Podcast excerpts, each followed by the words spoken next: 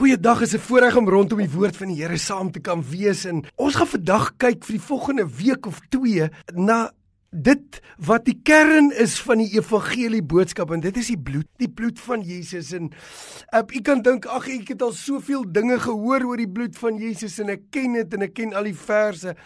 Ag wat, dan kan ek vir u sê, dan gaan u net wonderlik weer opgewonde wees oor oor die lieflikheid van die bloed van Jesus. Vandag gaan ons op 'n baie besondere manier kyk na wat hierdie bloed van Jesus alles vir ons kom werk, al sewe dinge. Maar voor dit wil ek net voor die Here kom en sê Here, kom deur u Gees en maak wakker weer in ons harte die lieflikheid van die bloed van Jesus en maak ons vry en maak ons oop en help ons om u stem te hoor. Ek vra dit in Jesus se naam. Here, u weet waar ons nood is vandag. U weet wat is ons behoefte en ek vra maak dit oop ons harte om te hoor wat u wil sê in Jesus se naam. Amen. Weet jy in Matteus 27 kry ons in Jesus se passie ure. Wat is Jesus se passie ure? Vandat hy in Getsemane was tot en met wanneer hy die laaste asem uitblaas. Dis omtrent nagenoeg, ek dink 18 ure. Dis die ure van Jesus se passie. Die passion of the Christ. Nee, dit is waar. Nou in Matteus 27 word een van daardie tye bespreek wanneer Jesus daar verhoor word en dan kry ons 3 uitsprake rondom die bloed van Jesus. Drie uitsprake rondom die bloed van Jesus wat mense bloed koud maak as jy sien die katastrofiese uitslag wat elkeen van hulle gehad het. Jy gaan verbaas wees. Eerste, die eerste uitspraak is in in Matteus 27 waar Judas terugkom en hy gooi die geld wat hy gekry het by die Sanhedrin terug voor hulle en hy sê ek het onskuldige bloed verraai. Geweldige woorde. Ek het onskuldige bloed verraai. En hy loop daarvan af weg en hy pleeg selfmoord. Hy het onskuldige bloed verraai. En dan kry jy verder in Matteus 27 waar Pilatus wat Jesus onskuldig bevind om oorgee om gekeesel te word en gekruisig te word en dan doen Pilatus 'n belaglike aksie. Hy sê ek is onskuldig aan die bloed van hierdie regverdige man. En weet jy wat? Nou wil ek vir u geheimpie vertel. As u nou die tradisie, want baie van die goed is maar baie ver en moeilik om na te vors, dan is daar 'n geskiedskrywer Eusebius, nie Josephus die bekende geskiedskrywer nie, Eusebius.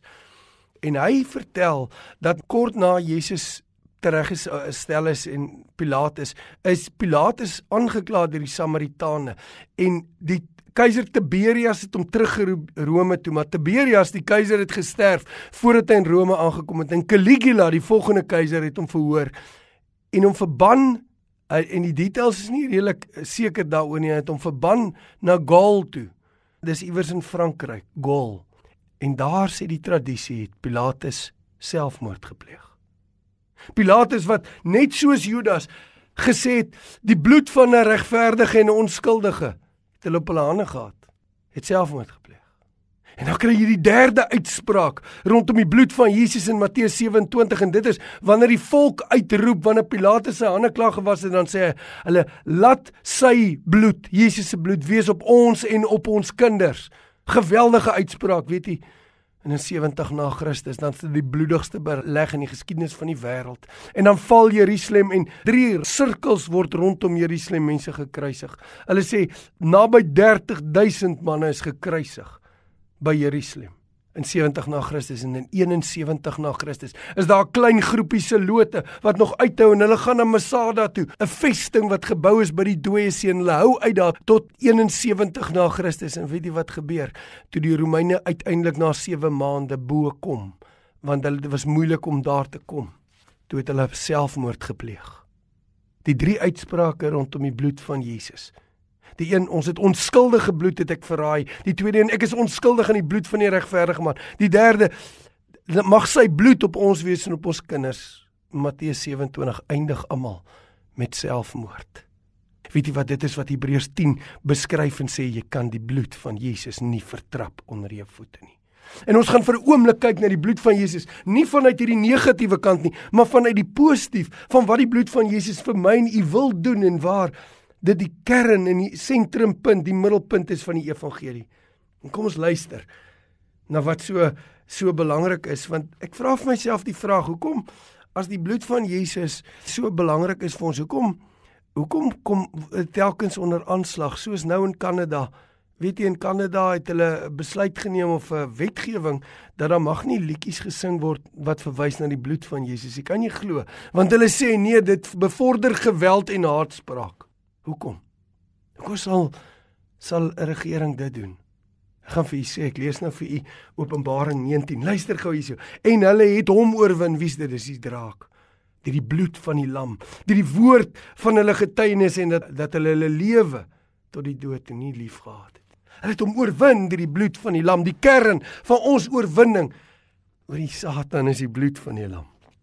En dis waarom dit so onder aanslag is. So as ons kyk vir 'n oomblik na die bloed van die lam, wil ek u vat na 'n paar teksgedeeltes toe in die Ou Testament en dan kyk hoe dit neerslag gevind het in die Nuwe Testament. Eerste is Levitikus 16 vers 14. Op die groot versoendag moet die hoëpriester een keer 'n jaar ingegaan het. Hy moet die die offer bring en dan moet hy 7 maal sewevoudig 7 maal bloed drup op die versoendeksel. U kan dit gaan lees by Levitikus 16 vers 14 sewe druppels moet hy drup op die versoen deksel. En ons gaan vir 'n oomblik vandag kyk na die sewevoudige vervulling van dit wat moet gebeur het in die Ou Testament.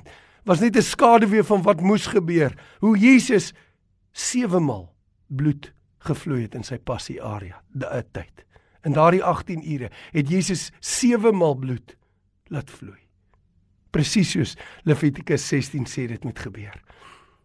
En dan gaan ons kyk na die sewe vervullings wil wat die bloed van Jesus sewevoudig in ons lewe doen. Dit is waarna ons gaan kyk. Maar voor dit wil ons net eers 'n oomblik kyk na Eksodus 12. Eksodus 12 is die beskrywing van die ander groot Joodse fees. Die een is die Groot Versoendag of Yom Kippur, maar Eksodus 12 gaan oor die Pasga. Die beskrywing van die Pasga, die uittog uit Egipte uit. En dan kry hy in vers 21 kry die, elke familiehoof die opdrag om 'n lammetjie 'n jaar oud vlekkelose lam te slag en dan die bloed in die bak op te neem en dan die bloed nie net in die bak te hou waar hy dit opgevang het na die offer nie. Die lammetjie te eet nie, maar die bloed te smeer in die deurkusyne. En dan sal die verderwe nie trek word nie. Let op, hulle smeer die bloed aan die kante van die deur en die toppunt. Hulle smeer nie op die drempel nie. Want jy kan die bloed van Jesus nie onteer en daarop trap nie. Dit het ons gesien met ons inleiding waar mense verkeerd omgegaan het met die bloed van Jesus. Kom ons kyk, hoe doen 'n mens dit? Hoe raak Openbaring? Wat sê ons het hom oorwin? Hulle het hom oorwin deur die bloed van die lam. Hoe maak dit 'n realiteit in my en jou lewe? Jy sien, want te maklik kan die bloed net in die bak wees. Soos die paaslam. Die lam is geslag en die bloed is in die bak, maar die bloed moet gesmeer word aan die deurkusyne. Die bloed moet in my en u lewe toegepas word. Is hy by my? Die bloed moet toegepas word. Dit moet gesmeer word as dit ware op die rande van jou hart. Anders te kom die oorwinning nie, anders te breek dit nie deur nie. En daarom gaan ons nou kyk sewe keer vinnig, sewe keer gaan ons kyk na waar sewe maniere waarop die bloed toegepas word in 'n mens se lewe en die werking van die bloed en die oorwinning daarvan in u lewe wil sigbaar wees. Dis die eerste ding. En dan gaan ons afsluit deur te kyk na die sewe plekke waar Jesus bloed gelaat het in sy passie tyd. Ons begin met die eerste plek wat die Nuwe Testament vir ons sê, die besprinkeling van die bloed plaasvind in ons hart. Dis Kolossense 1 vers 13 sê hy het ons oorgebring uit die duisternis in die koninkryk van die seun van sy liefde. Nadat hy ons verlos het deur sy bloed, die vergifnis van sonde. Efesiërs 1:7 sê presies dieselfde. Die eerste werking van die bloed van Jesus is om jou te verlos. Dit beteken fisies om jou terug te koop. Dis wat die bloed van Jesus gedoen het. Dit het jou teruggekoop. Dit het jou uit die duisternis uitgehaal. Dit haal jou uit die tronk uit en sit jou in sy vryheid. En ons reaksie daarop, die eerste werking van die bloed van Jesus, is dankie dat U my verlos het hierdie bloed. Dankie dat U my sonde vergewe en my verlos, my oorgekoop het, my losgekoop het deur U bloed. Wil jy dit nie saam met my sê nie? Vat hierdie sewe punte en verklaar dit in die stilte tyd dankie dat ek verlos is deur die bloed van Jesus. Is jy al verlos deur die bloed van Jesus? Weet jy die woord wat ek nou aan u bedien, het ek nou vir 1 22 dae in in die vakansie deurgebid in my lewe elke dag. En daar's net 'n vryheid net om dit voor die Here te noem en te sê dankie elke dag te sê dankie dat U my verlos het deur die bloed, dat U my teruggekoop het, dat U my uitgekoop het. Weet jy wat baie gelowig is? Erken dat Jesus gesterf het. Maar dit is asof die bloed nog in die bak is. En hulle kom nooit by verlossing nie. Jy weet, jy bly dieselfde. Jy bly dieselfde. Dit is jy erken dit. Jy erken dat die Here jou gered het. Jy glo dit regtig met jou kop, maar hy het jou verlos al. Kan nie sê hy het jou oorgebring uit die duisternis uit, want is die eerste werking van die bloed van Jesus. Deur sy vergifnis verlos hy jou. Die tweede werking kry ons in 1 Johannes 1:7 tot 9. Hy sê as ons in die lig wandel soos hy in die lig is, dan dan vergewe hy ons sondes en hy was ons skoon deur sy bloed. Dan het ons gemeenskap met hom. Openbaring 1 vers 5 sê dieselfde. Hy wat ons liefgehad het en ons deur sy bloed skoon gewas het, maar daai woord vir skoon gewas is eintlik ook losgemaak. Die tweede werking van die bloed van Jesus is hy was jou skoon. Hy was jou skoon. Ek het nie kan voor hom gaan staan en vir die Here sê, "Dankie dat U my skoon was. U het my verlos deur die bloed. U maak my los, U maak my vry, U koop my terug." Maar dan was U om my ook skoon sodat ek gemeenskap met U kan hê. Is dit die getuienis? Wil U nie saam met my vir die volgende tyd vir die Here dankie sê vir die sewe dinge wat die Here deur sy bloed in jou lewe doen? Die eerste is om jou te verlos deur jou te vergewe. Die tweede is deur jou skoon te was omdat hy jou vergewe. Die derde is kragtig en dis Romeine 5 vers 9 wat sê wat ons regverdig maak deur sy bloed wat ons regverdig maak deur sy bloed. Dit is 'n regsterm. Dit is 'n regsterm. Hy sê die bloed is dit wat getuig en sê hy's regverdig, vrygespreek. Die prys is vir hom betaal. Wat 'n wonderlike geleentheid wat ek kon gehad het om die laaste 21 dae vir die Here elke dag te kan sê, Here Jesus, dankie dat ek regverdig gemaak is. Dat vryspraak plaasgevind het. Dit beteken daar's nie meer hofsaak hangende oor my kop nie van die bloed van Jesus het die prys betaal vir my vryheid. Kan u dit vir die Here dankie sê? Het u die getuienis dat die bloed van Jesus u vrygemaak het? Hy u regverdig maak, soos Romeine 5 vers 19 sê.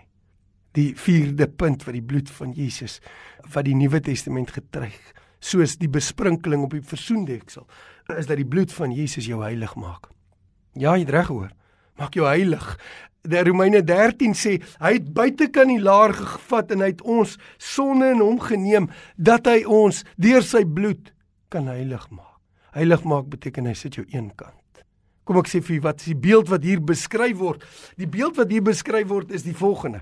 Dit is om te sê Jesus het omdat hy die offerlam is. Hy's die hy's die sondebok wat buitekant die laar gestuur is.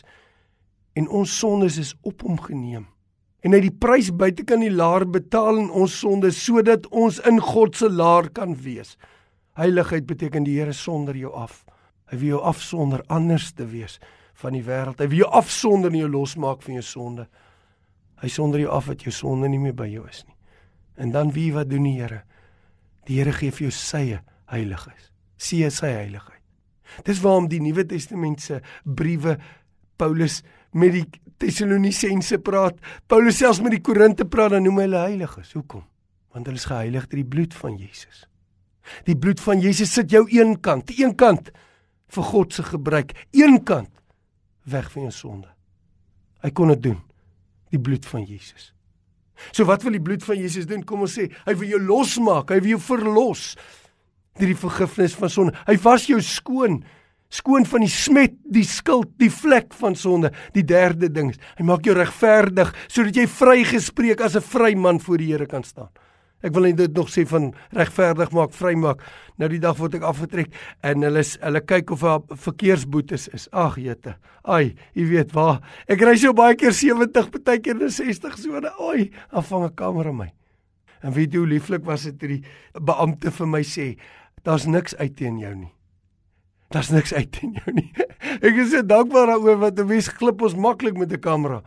Jy weet, dit is wat vryspraak beteken. Daar's nie meer saak teen jou nie. Want die bloed van Jesus het gedoen. Die vierde punt is, hy maak jou heilig. Hy verwyder jou sonde van jou deur sy bloed. En dan gee hy vir jou sy heiligheid. En dan die vyfde punt is hy is Kolossense 1 vers 20 wat sê dat die bloed van die seun aan die kruis het hy die vrede herstel. Wat 'n vrede te herstel. Die vrede tussen my en God. Die vrede tussen my en God. En omdat daar vrede tussen my en God is, herstel hy deur sy bloed ook my verhoudinge met ander mense. Daarom sê die Here gedurig, soos wat ek jou vergewe het, so wil ek hê jy moet vergewe. Die vrede wat ek nou met jou het, wil ek hê jy moet met ander mense en daarom sal 'n kind van die Here bekend wees as 'n vredemaker. Hoekom? Want die bloed van Jesus doen dit. Die bloed van Jesus doen dit. Het jy al in 'n huis ingestap waar daar onvrede is? Ek haat dit. Ek haat dit. Weet jy as dit is 'n wyne let, as dinge nie reg is nie, daar's so al 'n onvrede in die huis. Jy al gevoel. Almal is ongemaklik. Almal is ongemaklik. Daar's 'n onvrede. Het jy dit al beleef as daar vrede is in 'n mens se huis? Hoe kosbaar is dit nie om in 'n huis te stap en ons vrede nie. Die bloed van die seun aan die kruis het daar vrede herstel. So daar vrede tussen my en God is. Kan ek vir julle sê leef in daai vrede?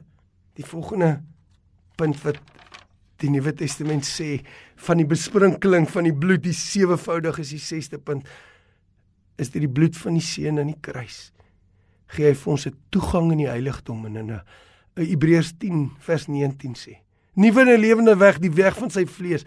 Ons het vrymoedigheid om in te gaan deur die bloed van die lam. Efesiërs 2 vers 12 sê toegang in vrymoedigheid. Dit beteken dit beteken ek kan ingaan. Ek het 'n vrymoedigheid om te praat. Ek was 'n jong jong seun. My pa was 'n sielkundige en sy praktyk was by die huis daai tyd en hy het iemand gesien. En daar was 'n TV-program wat ons altyd kyk en die deur was toe. Jy weet dit moenie so werk nie. Sy kantoor was eintlik heel eenkant sy sy praktyk. Maar ek het ingehardloop die deur oopgemaak by al die privaatheid verby. Ek was 'n klein seentjie. Gesê pappa, hierdie program begin, pa moet kom. Hy het gekom om te kom kykie, maar weet jy wat? Ek het nie vir 'n oomblik gewonder of ek kon ingaan nie. Hoekom nie? want die deur na my pa toe was altyd oop vir my. Dis vir die bloed van Jesus vir my werk. Hy gee vir my toegang.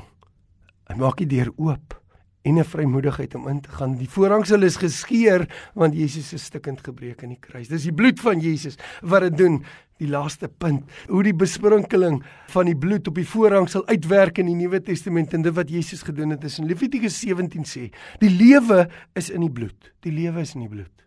In Johannes 6 vers 53 ek het nie nou kans om dit te lees van daar af nie verduidelik Jesus as jy my bloed drink en my vlees eet met ander woorde dit dan kom my lewe in jou die lewe is in die bloed en die wonderlike vrug in 'n mens se lewe wanneer die bloed jou hart hartposte gesmeer is is die ewige lewe van God kom woon in jou die lewende God met sy eie lewe kom woon in jou die Zoe lewe, die ewige lewe wat geen begin en geen einde die die Skepper God onder haar bloed is, kom woon in jou.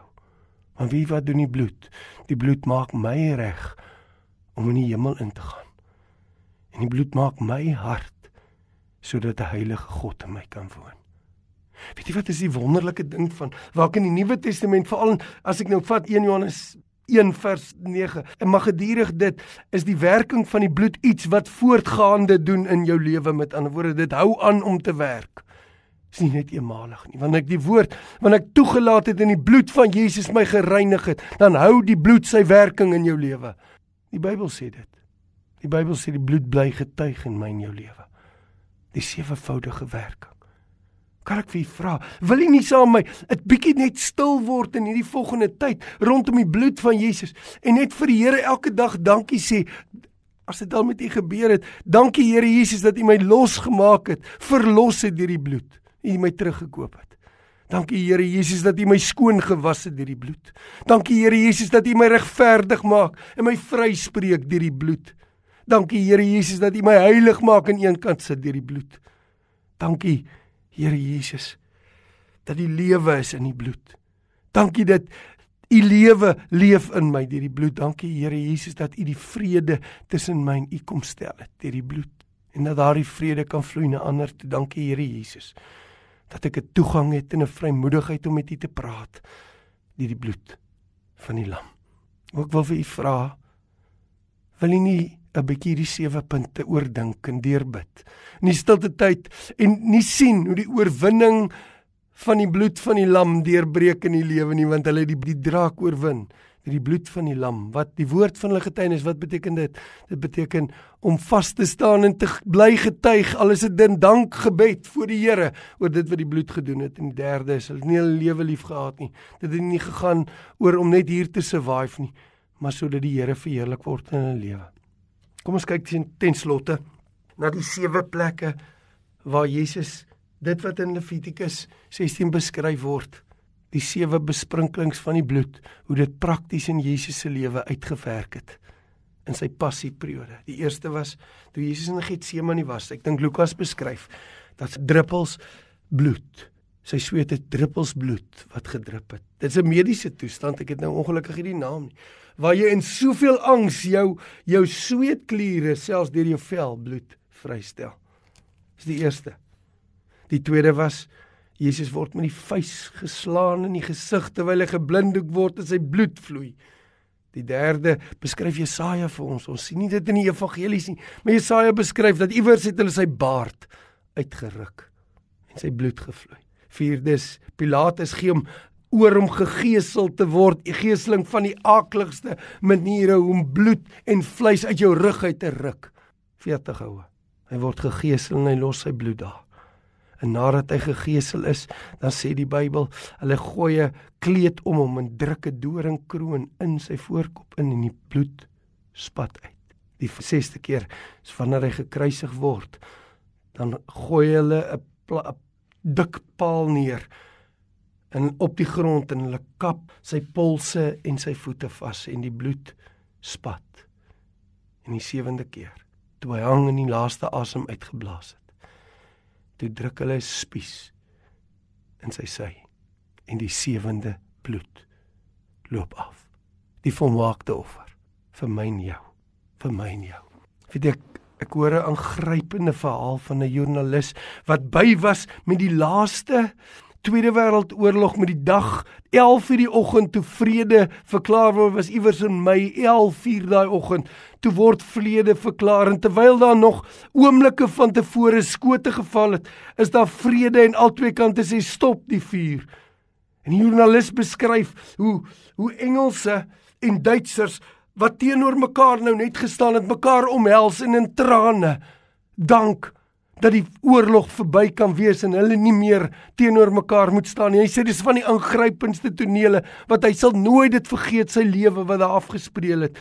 Is hoe Duitsers en Engelse mekaar omhels en dankbaar trane huil dat die oorlog verby is nie. Maar hy sê hy stap in die tent waar skielik die laaste gewondes ingebring word en geallieerdes wat die meestal was Engelse soldate en Duitsers langs mekaar lê, dieselfde bediening kry langs mekaar, nou besig om versorg te word saam. En al lê SS soldaat, 'n Duitser. En hy wat as 'n joernalis kan nie glo wat hy hoor, die man sê, hy het 'n dodelike wond, hy het bloed nodig. Hy stop die mense, hy sê, die bloed wat julle my gaan gee, is dit Engelse bloed. Die dokter sê, "Yes, healthy British blood." En daai SS soldaat sê, dan wil hy dit nie hê nie. En die joernalis sê teen alles in was dit die toneel wat hy nooit se vergeet nie. Is 10, 15 minute later toe daardie man die bloed weier, toe dra hulle sy dooie liggaam daar uit. Jy kan nie glo dat in die lig van die verlossingswerk van die bloed van Jesus mense hierdie bloed kan weier nie. Jy kan nie glo dat mense so offer kan weier nie, maar die waarheid is dit gebeur. En die vraag wat ek vir u moet vra is: waar staan u met die bloed van Jesus? Want die bloed van Jesus is vandag nog net so lewend en kragtig. Die kruis van Jesus wil vir u ook 'n platform van vergifnis en verlossing bring. Hy wil u ook vergewe. Hy wil u ook skoon was. Hy wil u ook regverdig maak. Maar waar staan u? Waar Waar staan u met hom? God wil vrede maak en hy die offer gebring. Maar waar staan u met sy offer? Wil u nie kom nie? Wil u nie na die kruis toe kom en sê Here, ek neem dit nie? Maar weet jy wat is vir my net so hartseer? Dat baie kinders van die Here leef onverloste lewens. Want hulle glo die lam is geslag. Maar die bloed is nie kom. Die bloed is nie in die hart opgeneem deur geloof nie. Die bloed is nie aan die deurposte van die hart gesmeer nie. Wil jy nie weer nou opnuut vir die Here sê, Here, verlos my. Maak my los deur die bloed. Maak my skoon deur die bloed. Maak my weer opnuut regverdig en ek wil staan in u regverdiging, heilig deur die bloed. Herstel die vrede. Dankie dat u dit gedoen het. Dankie dat u lewe is in die bloed en dat ek toegang en vrymoedigheid het voor u. Wil u nie saam met my in hierdie tyd die Here dank vir sy bloed in jou lewe nie. Mag die Here u seën. Amen.